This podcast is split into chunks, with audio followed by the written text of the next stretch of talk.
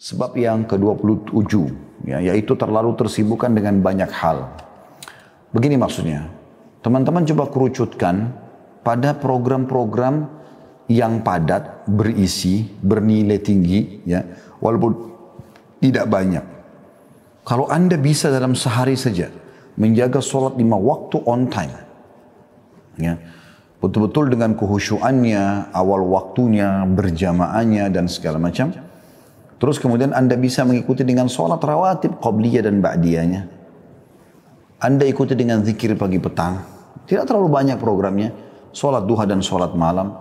Ini sudah luar biasa. Coba fokus ke situ dan ya lakukan ini sebagai jadikan sebagai program utama. Termasuk itu baca Quran dan berdoa di waktu mustajab antara azan dan iqamah ya dan seterusnya. Ini contoh. Jadi nggak usah terlalu banyak program. Kalau itu sudah berjalan, maka sudah menjadi sebuah rutinitas dan Anda lihat ternyata setelah Anda lakukan itu ada banyak waktu, ada masih ada waktu-waktu luang, Anda gunakan misalnya potensi yang lain apa? Misalnya suka baca buku, ya. suka misalnya menulis, ya. suka misalnya e, berdiskusi dan seterusnya. Nah ini bisa kita e, kembangkan setelah itu. Tapi jangan teman-teman baru bangun tidur sudah ada seribu program di otaknya. Dan dia tidak tahu yang mana dia harus dahulukan, skala prioritaskan, dan dia tidak tahu yang mana dia harus kerjakan. Orang seperti ini kalau terlalu banyak programnya, kita akan temukan dia seperti orang yang cuma mencomot-comot di sini sedikit, di sini sedikit, di sini sedikit, sehingga tidak ada yang sempurna. Makanya Nabi SAW mengatakan, amal yang paling dicintai Allah, habbul amal ilallah. Ya. Adwa muha, wa inkan. Yang rutin dikerjakan, dikomitmenkan walaupun sedikit. Maksudnya sedikit ya secara uh, jenisnya. Ya. Tapi secara kuantitasnya dan kualitasnya dijaga. Seperti itulah. Ya. Anda lebih baik bisa menjaga sholat duha dua rakaat tapi rutin dibandingkan Anda kerjakan 8 rakaat atau 12 rakaat tapi cuma sekali dalam sebulan atau dalam setahun. Maka ini tidak terlalu memperbanyak program adalah hal yang sangat baik. Sehingga nanti akhirnya Anda selalu mengatakan, oh nanti saja, oh besok saja, dan seterusnya. Allah musta'an. Allah tempat kita meminta pertolongan. Semoga Allah memudahkan dan memberkahi umur kita sehingga kita bisa banyak diberikan taufik mengerjakan hal-hal yang harus kita selesaikan sebelum meninggalkan dunia ini. Kata penulis, sebab ke-27 adalah terlalu tersibukkan dengan banyak hal. Penghalang paling besar dalam kehidupan seorang muslim bagi jadwal kehidupan dan berbagai urusannya adalah tidak adanya perencanaan dan pengaturan program tidak adanya perencanaan dan pengaturan program hingga terkadang ia hanya yaitu ia harus menghadapi tumpukan pekerjaan di dalam waktu yang bersamaan hingga tidak mampu melaksanakannya. Hal semacam ini juga banyak terjadi pada sebagian orang yang multazimin. Sudah sering kita jelaskan multazim artinya orang yang coba istiqomah di ajaran Allah. Ya Hingga berbagai macam pekerjaan menumpuk, mulai dari pekerjaan tugas sampai urusan keluarga, kerabat, teman-teman akrab dan lainnya. Hingga tidak ada waktu baginya untuk beribadah kepada Tuhannya. Hal sedemikian, uh, hal demikian ini disebabkan oleh beberapa hal. Ya, jadi makanya teman-teman kalau ada kesempatan untuk mengerjakan satu perbuatan jangan ditunda walaupun itu mudah. Selesaikan. Karena Anda tidak tahu ya akan datang pekerjaan apa lagi setelahnya? Akan datang tugas apa lagi tanda kutip dari Allah swt anda tersibukkan dengan program apa lagi yang baru? Maka jangan tumpukan clearkan selesai. Kalau sudah clear baru kita buat program yang baru. Tapi yang penting teman-teman usahakan clear. Ada orang banyak begitu ya. Dia tidak tidak menuntaskan banyak hal dalam hidupnya. Contoh misal baca buku seperti ini. Dia sudah beli. Dia sudah dia sudah memiliki di rumah. Tapi kalau kita tanya mungkin setahun, dua tahun, apakah Anda sudah menyelesaikan buku itu? Jawabannya pasti belum. Atau banyak mengatakan belum. Kenapa? Karena dia cuma beli, dia nggak menuntaskan program. Anda kalau sudah beli ini mengeluarkan uang, Anda punya tugas dan kewajiban untuk menyelesaikannya. Supaya tidak sia-sia gitu. Anda nanti bisa beli buku baru. Banyak orang tidak. Oh ini bagus. Belum sempat dibaca, kemudian ada beli buku baru. Bahkan sering kali mereka hanya karena menjadikannya sebuah hobi saja. Sampai akhirnya beli buku di misalnya Islamic Book Fair atau yang semacam itu misalnya pameran buku Islam. Mereka beli lagi. Ternyata tahun lalu sudah beli buku itu. Bahkan belum dibuka plastiknya menumpuk di gudang. Ini kan semua sia-sia saja. Sayang gitu. Yang harusnya mungkin uang itu Anda bisa belikan buku yang lebih bermanfaat. Ini salah satu teman-teman pemicu kenapa kami berusaha untuk selalu membedah buku. Karena kebanyakan yang kami temukan di lapangan, mereka nggak menyelesaikan buku itu. Gitu kan? Sayang sekali. Berapa banyak orang di antara kita minum obat, contoh saja, dosisnya sekian. Dia tidak selesaikan obat itu. Misal, berapa banyak orang makan makanan, dia nggak selesaikan, padahal dia sudah ambil, dan itu tanggung jawab dia menyelesaikannya. Dan sekian banyak contoh berhubungan dengan masalah ini. Tumpuk-tumpuknya beli pakaian, beli sepatu, beli tas, mungkin dia tidak pakai, gitu kan? Ini semua masuk dalam tabzir. Ya mubazir, ini tidak boleh teman-teman sekalian. Oleh karena itu, coba belajar menuntaskan program yang sudah Anda lakukan walaupun sederhana. Ingat, kesuksesan seseorang itu dinilai dari bagaimana dia menyelesaikan program harian dia. Misal contoh Anda lapar, Anda makan, dan Anda berhasil kenyang, Anda sudah sukses di poin itu. Nah coba tarik itu dalam semua lini kehidupan kita. Seperti kita kalau haus, kita minum, kita cari minum dan dapat minum dan akhirnya haus kita hilang. Kita sudah sukses di poin itu. Baik, lakukan pada semua hal. Anda beli buku, tuntaskan. Anda beli baju, pakai. Anda apalah, ya, semua harus dituntaskan. Nah, beberapa hal yang ditulis oleh penulis yang menyebabkan terjadinya banyak sekali menumpuk pekerjaan, ya, sehingga tidak ada yang selesai. Yang pertama menunda-nunda pekerjaan sehari-hari hingga pekerjaan bertumpuk-tumpuk antara satu dengan yang lainnya. Makanya tuntaskan, coba berusaha berist, ber, beristi'anah billah, minta tolong kepada Allah SWT. Minta, ya Allah mudahkan saya selesaikan tulisan ini. Ya Allah mudahkan saya selesaikan rumah ini. Saya selesaikan utang ini. Saya selesaikan hafalan ini. Saya selesaikan bacaan ini. Saya selesaikan ini dan itu. Yang kedua, tidak ada penentuan prioritas pekerjaan yang harus didahulukan dan diutamakan. Padahal Anda harus fokus, prioritaskan. Kalau menumpuk pekerjaan, maka mulai dari pekerjaan yang Anda anggap paling mudah dan mulai saja dulu. Contoh misal begini teman-teman, Anda punya rumah berantakan sekali. Berantakan sekali, jadi berantakan luar biasa. Saya pernah menghadapi dengan keluarga saya begitu. Maka saya berikan contoh pada saat itu. Kalau kita lihat berantakan seperti ini, jangan kita bilang, waduh kepala saya pusing lihat berantakan. Enggak. Tapi apa yang harus saya lakukan? Maka saya bilang, coba mulai dulu. Mulai dengan yang terdekat aja. Misalnya ada kertas berserakan, angkat dulu kertas itu. Mulai saja dulu. Ambil sapu, mulai sapu. Nanti kan persentase dari berantakan itu akan berkurang otomatis. Misalnya dari 100% berkurang jadi sisa 70%. Anda punya lagi ke yang satunya, lap lagi meja misalnya, akan pindah, kurang lagi persentasenya 10% misalnya. Terus begitu, lama-lama habis juga. Daripada Anda tidak memulai sama sekali. Dan terus saja mengatakan nantilah, nantilah, nantilah. Saya kadang-kadang melihat orang seperti ini terlihat dalam kehidupan sehari-hari ya. Kita masuk rumah, rumah berantakan. Ya, karena selalu ditunda nanti aja, nanti aja, nanti aja. Sampai ada pintu lemari rusak, ada pintu rumah rusak, ada wastafel yang pecah. Semuanya bertahun-tahun begitu saja. Kenapa? Kenapa nggak diperbaikin? Kenapa nggak dilakukan ya, uh, sesuatu di situ? Ya, ini menandakan Anda tidak punya program. Kalau Anda punya program, dan Anda tahu mana skala prioritas, Anda akan lakukan itu. Tidak akan ada sesuatu yang luput. Hari ini jangan tidur kecuali sudah tuntaskan pekerjaan Anda hari ini. Tuntaskan. Ya, apalagi itu perbuatan baik. Supaya Anda meninggal, di buku amal Anda tercatat, apa yang telah Allah bebankan pada hari itu, Allah mudahkan pada hari itu, Anda berhasil menyelesaikannya. Yang ketiga, tidak memiliki disiplin pribadi. Nah, jadi dia sendiri tidak punya kedisiplinan. Nah, disiplin itu penting sekali ya. Disiplin jam sekian saya akan keluar rumah sampai jam sekian. Jam sekian saya akan baca buku sampai jam sekian. Jam sekian saya akan uh, meeting jam, sampai jam sekian dan seterusnya. Ada programnya. Disiplin dalam mengerjakan dan kalau sudah habis waktunya disiplin pindah ke ke ke ke, ke yang lain gitu kan atau aktivitas yang lain seperti itulah. Ya, termasuk ini kedisiplinan diajar dalam Islam ya, adanya sholat lima waktu on time itu disiplin, mengajarkan disiplin kepada kita. Kita zikir, ada zikir pagi, ada zikir pedang, eh, petang, ada bacaan Al-Quran setiap hari gitu kan. Kita kan idealnya membaca eh, tidak kurang dari 2000 sekian ayat, sekitar 2100 ayat lah ya per hari agar Anda bisa menghatam tiga hari Al-Quran. Itu rutin dikerjakan oleh para sahabat walaupun bertahap. Kalau tidak Anda mulai membagi kurang lebih 1000 ayat per hari berarti Anda bisa sekitar tujuh hari menyelesaikannya kena 6000 sekian ayat ayat Al-Quran. Ya, uh, nanti pelan-pelan bertahap Anda turun. Kalau tidak Anda sebulan sekali berarti sehari satu juz itu tapi ada program dan mulai Anda tingkatkan ya membentuk kedisiplinan untuk menjalankan lalu kemudian Anda pindah ke program yang lebih baik ya, atau ke peningkatan kualitas lalu Anda disiplin lagi dan seterusnya. Yang keempat tidak memiliki kepedulian. Tidak peduli terhadap kesehatannya, terhadap pakaiannya. Kita lihat orang ini penampilannya berantakan, ya, tutur katanya tidak tersusun rapi, ya banyak hal lah ya. Kendaraannya selalu kotor dan segala macam. Saya kadang-kadang kalau naik ke mobil seseorang, saya lihat berantakan.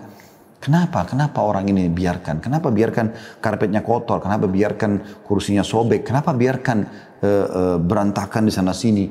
Ya, bekas tumpah minuman anak-anak dan segala macam. Kenapa? Kenapa nggak dibersihkan? Ya, itu menumpukan pekerjaan ini masalah ini. Ya, terutama bagi akhwat di rumah juga begitu.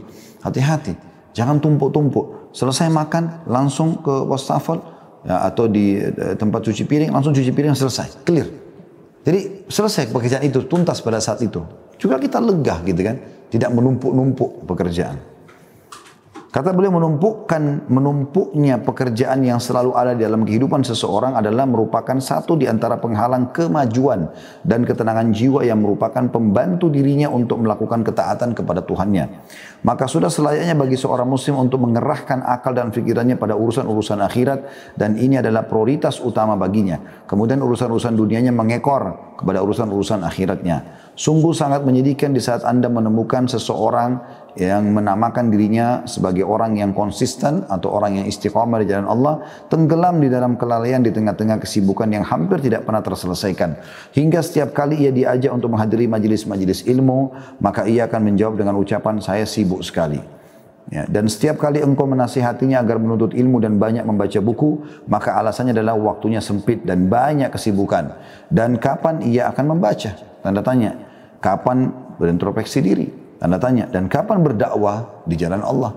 Apakah sampai mati itu terus yang akan dia katakan? Tersibukkan karena hanya menumpukan pekerjaan saja. Barang siapa yang memiliki kebiasaan seperti itu, maka ia tidak pernah berhenti mengemukakan alasan-alasan. Dan di antara mereka ada yang sibuk mengejar harta kekayaan dunia, hingga ia kejar harta kekayaan tersebut dengan penuh kehausan. Karena barang siapa masih ada tambahan, atau barangkali masih ada tambahan baginya. Dalam sebuah pepatah dikatakan, tidakkah engkau melihat betapa keajaiban-keajaiban zaman tidak pernah habis. Padahal waktu selalu mencampur baurkan antara sesuatu yang mudah dengan sesuatu yang sulit. Dan di bawah ini terdapat beberapa faktor yang dapat membantu Anda untuk mengatur waktu. Kemudian melakukan kesibukanmu tanpa harus menemui kesulitan atau bersedih hati. Yang pertama, memiliki pandangan yang jelas. Yang saya maksud kata penulis ini adalah hendaknya seseorang memiliki gambaran yang baik dan jelas tentang bagaimana cara berinteraksi dengan lingkungan yang di sekitarnya dan faktor-faktor yang mempengaruhi. Baik secara negatif atau positif di dalam aktivitas harian, bulanan, dan tahunannya. Atau bahkan hingga lebih jauh dari itu. Untuk itu kita harus sang, sanggup menjawab banyak pertanyaan yang terpenting di antaranya apa saja tujuan saya, apa saja tujuan yang ingin saya realisasikan. Ya Anda mulai bertanya, kira-kira apa? Sarana apa yang saya gunakan untuk mencapai tujuan tersebut? Hari ini misalnya mau berbuat apa? Kemudian pikirkan sarananya apa yang harus saya lakukan, tujuan apa yang harus saya jadikan prioritas utama dari sekian pekerjaan. Berapa lama waktu yang saya miliki? Jangan berlama-lama. Janjian jam sekian sampai jam sekian, taklim jam sekian sampai jam sekian, eh, makan jam sekian sampai jam sekian. Ada batas waktunya, jadi Anda disiplin di situ. Dan supaya lebih rinci lagi, maka kita harus membagi pekerjaan-pekerjaan dan aktivitas yang hendak ya, kita lakukan untuk mencapai tujuan kita. Menjadi beberapa bagian. Yang pertama misalnya pekerjaan yang penting dan mendesak, yaitu tugas penting yang harus dan mesti dilakukan dengan segera atau di masa mendatang karena melihat akibat buruk dan fatal yang akan ditimbulkan dari penundaan waktu pelaksanaannya. Yang kedua penting tetapi tidak tergesa-gesa. Yaitu pekerjaan atau kegiatan yang masuk dalam skala prioritas tapi tidak terlalu mendesak untuk segera dilaksanakan. Kemudian yang ketiga segera tetapi kurang penting. Yaitu pekerjaan yang perlu mendapat perhatian segera walaupun tidak termasuk dalam prioritas penting. Ini juga perlu digarisbawahi teman-teman sekalian. Kalau Anda dikerjakan satu perbuatan usahakan fokus ya. Jadi nggak usah bercabang ke mana-mana. Kadang-kadang bercabang ke mana-mana ini memakan waktu yang banyak. Dan akhirnya terbuang begitu. Contoh misalnya Anda lagi makan. Lagi makan, Anda fokus makan. Dan targetnya adalah menyelesaikan makanan tersebut. Udah, selesai. Anda pindah ke aktivitas yang lain. Ada orang tidak. Dia makan, tapi dia gunakan juga makan itu misalnya untuk berbisnis misalnya. Sehingga akhirnya pada saat makan, makannya sambil mengunyah, sambil ngomongin masalah usaha misalnya. Atau sambil ngomongin masalah-masalah kehidupan. Padahal sebenarnya bukan saatnya itu dan bukan bulan tepat. Lebih baik makan itu diselesaikan, berarti satu pekerjaan selesai nih. Baru pindah ke pembahasan masalah bisnis. Itu yang benar. Ya. Sehingga terfokus. Nah fokus ini akan memudahkan Anda menyelesaikan masalah. Daripada Anda berpikir antara menyelesaikan makanan dengan memikirkan bagaimana investasi di satu perusahaan atau bagaimana memecahkan masalah keluarga dan rumah tangga, enggak. Anda selesaikan dulu satu pekerjaan, baru kemudian Anda pindah ke permasalahan yang selanjutnya. Yang keempat, eh, pekerjaan yang bersifat pelengkap, yaitu pekerjaan yang kegiatan, eh, pekerjaan dan kegiatan yang tidak penting untuk dilakukan sekalipun pekerjaan itu ada.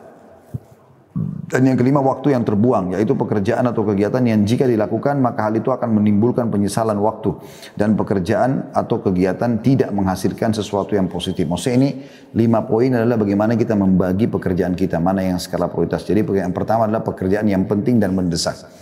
Itu harus diprioritaskan. Kemudian ada penting tapi tidak tergesa-gesa. Itu yang dikerjakan setelah itu. Kemudian segera tapi tidak tapi kurang penting. Kemudian yang keempat, pekerjaan yang bersifat pelengkap. Dan yang terakhir, waktu yang dipakai untuk membuang-buang. Ini kayak santai segala macam. Nah itu, ini harus menjadi seperti susunan sebuah program dalam kehidupan kita. Itu masuk dalam faktor pertama tadi. Uh, ya, tentang uh, rancangan penulis bagaimana agar kita bisa menyibukkan waktu kita dengan hal-hal yang bermanfaat. Jadi pandangan pertama tadi memiliki pandangan jelas dan ada kurang lebih tadi pembagian lima uh, poin untuk di poin pertama ini untuk menata mana yang harus kita uh, kerjakan terlebih dahulu. Kemudian yang kedua, di antara faktor-faktor pendukung yang membantu Anda dalam mengatur atau pengaturan waktu dan pelaksanaan tugas Anda adalah membuat program kerja harian Anda dan jadwal pelaksanaannya. Ya mulailah Senin apa pekerjaannya, Selasa apa pekerjaannya, Rabu apa gitu itu seterusnya. Sama dengan para dai misalnya hari Senin dia mau ngajar materi apa, dia persiapkan, hari Selasa materi apa, dia persiapkan di mana tempatnya dan seterusnya. Begitu juga Anda yang berbisnis, begitu juga Anda yang politikus dan seterusnya. Ya. Yang ketiga, memulai dari pekerjaan yang paling penting. Yang keempat, tetapkan batasan waktu untuk menyelesaikan tugasmu. Ya, dan yang kelima berdoa semoga Allah SWT memberikan keberkahan pada waktu dan pekerjaanmu. Jadi ini tidak kalah penting teman-teman sekalian ya. Memulai dengan pekerjaan yang paling penting. Itu tadi yang ketiga ya. Kemudian yang keempat tetapkan batasan waktu dalam menyelesaikan. Itu penting. Ya. Anda juga kalau diterakhir sama orang selalu tekankan masalah itu. Selalu tekankan ya kapan selesai. Anda misalnya kasih sebuah proyek pada seseorang atau Anda memberikan uh, apalah ya, tugas. Maka Anda minta, kira-kira kapan selesai? Kita berikan begitu. Dan itu bukan cuma kepada orang lain, diri kita sendiri pun kita tanya seperti itu. Kira-kira kalau saya baca buku ini kapan saya selesaikan? Kira-kira kalau saya hafal Quran kapan saya selesaikan? Nah, target kapan selesai itu penting. Misalnya setahun. Nah, di sinilah kita buat setelah itu program setahun ini apa yang harus kita lakukan. Seperti apa membagi 30 juz Al-Quran bisa dihafal dalam setahun. Tiap hari seperti apa. Baru kita kerucutkan di situ. Nah, di sini kita mulai memulainya, memulainya, memulainya. Nah, kalau Anda sudah memulai, tidak ada masalah insya Allah. Yakin teman-teman sekalian, kalau Anda sudah memulainya, ya Allah menyebutkan di akhir surah Al-Ankabut. Ya. Sehingga saya di akhir Al-Ankabut ini, ya A'udzubillahi minasyaitonirrajim, walladzina jahadu fina lanahdiyannahum subulana. Wa inna Allah lama'al muhsinin. Artinya, uh, sesungguhnya orang yang coba menempuh jalan-jalan menuju kami, kami akan tunjukkan jalan-jalan kami. Artinya Allah akan berkahi. Dan Allah selalu bersama dengan orang yang berbuat kebaikan. Jadi mulai saja dulu. Insya Allah kalau anda niatnya baik, maka akan selesai hafalan Quran dalam setahun. Insya Allah kalau niat anda baik, akan selesai baca buku dan taklimnya dalam satu bulan misalnya dan seterusnya. Seperti itulah. Nah ini termasuk teman-teman sekalian nanti akan membantu ya memaksimalkan keimanan kita kepada Allah SWT dan sebaliknya kalau numpuk-numpuk pekerjaan akhirnya membuat juga secara keimanan kita terganggu dan menjadi lemah hubungannya dengan Allah SWT karena dia tidak tahu apa yang harus dia kerjakan.